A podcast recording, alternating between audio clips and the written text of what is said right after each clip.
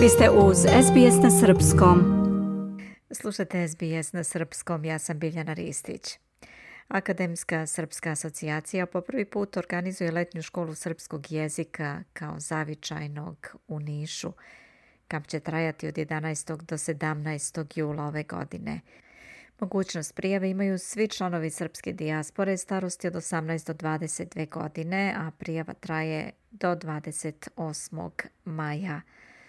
Svi zainteresovani mogu popuniti prijavu direktno na sajtu Akademske srpske asocijacije asocijacija.com koza crta prijava učenika za letnji kamp srpskog kao zavičajnog jezika.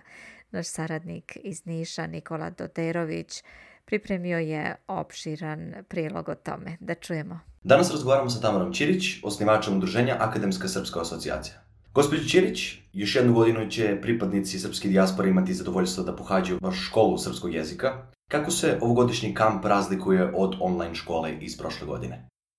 U okviru projekta Letnji kamp srpskog kao zavičanog jezika, Akademske srpske asocijacije, znači koje organizujemo po prvi put ove godine, za razliku od svih prethodnih godina gde smo imali online učenje srpskog jezika, Sada na sreću i zahvaljujući popuštanju svih ovih mera, radujemo se tome da po prvi put organizujemo kamp srpskog jezika iz razloga što će nam po prvi put imati naši polaznici od 18 do 22 godine starosti da se druže uživo, da uživo uče srpski jezik na teritoriji Srbije, što je zaista mnogo veća prednost u odnosu na ono online.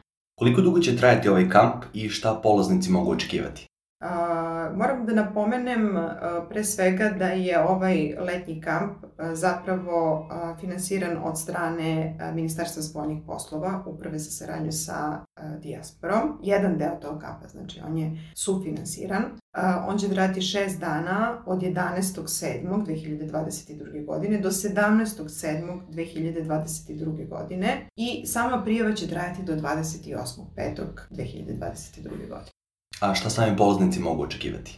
A, sami polaznici mogu da očekuju mnogo toga. Prvenstveno, pored učenja srpskog jezika, a, na jedan vrlo zanimljiv i interesantan način, a, učit će i srpsku kulturu, tradiciju, običaje kroz različite radionice koje planiramo da organizujemo, znači neće tu samo biti srpskog jezika, već će biti i druge radionice koje će za njihov uzrast i njima baš biti uh, interesantne jer mi i tekako imamo dosta polaznika koji su tog uzrasta, tako da mi u međusobnoj komunikaciji već kroz online učenje srpskog jezika znamo ono šta bi njih, bilo, šta bi njih zanimalo, kao što će biti tako i tu obilazak spomenika naših kulturnih a, znamenitosti a, i bit će sportskih nekih aktivnosti i takmičenja i sličnih stvari.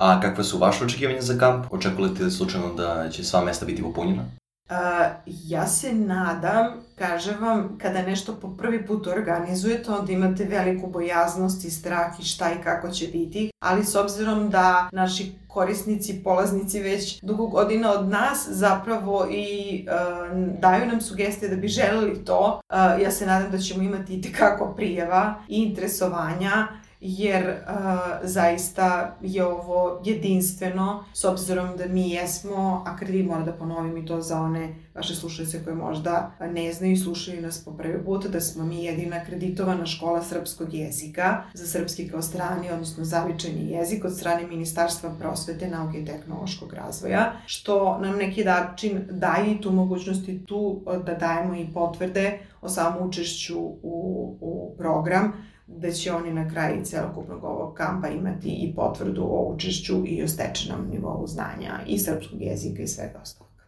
A u pozivu ste napomenuli i letnji kamp za decu uzrasta od 12 do 17 godina. Recite nam nešto više o tome.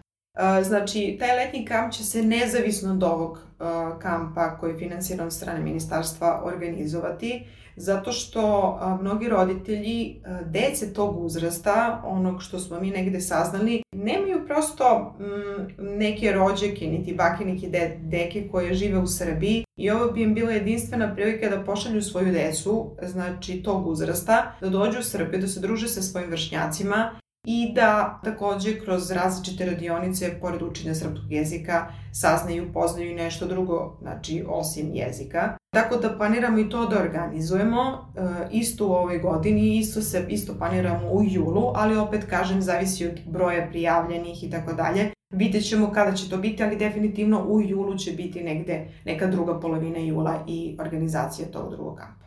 Hvala vam puno na vašem vremenu. Danas smo razgovarali sa Tamarom Ćirić, osnivačem udruženja Akademska Srpska asocijacija. Za SBS radio Nikola Doderović. Želite da čujete još priča poput ove? Slušajte nas na Apple Podcast, Google Podcast, Spotify ili odakle god slušate podcast.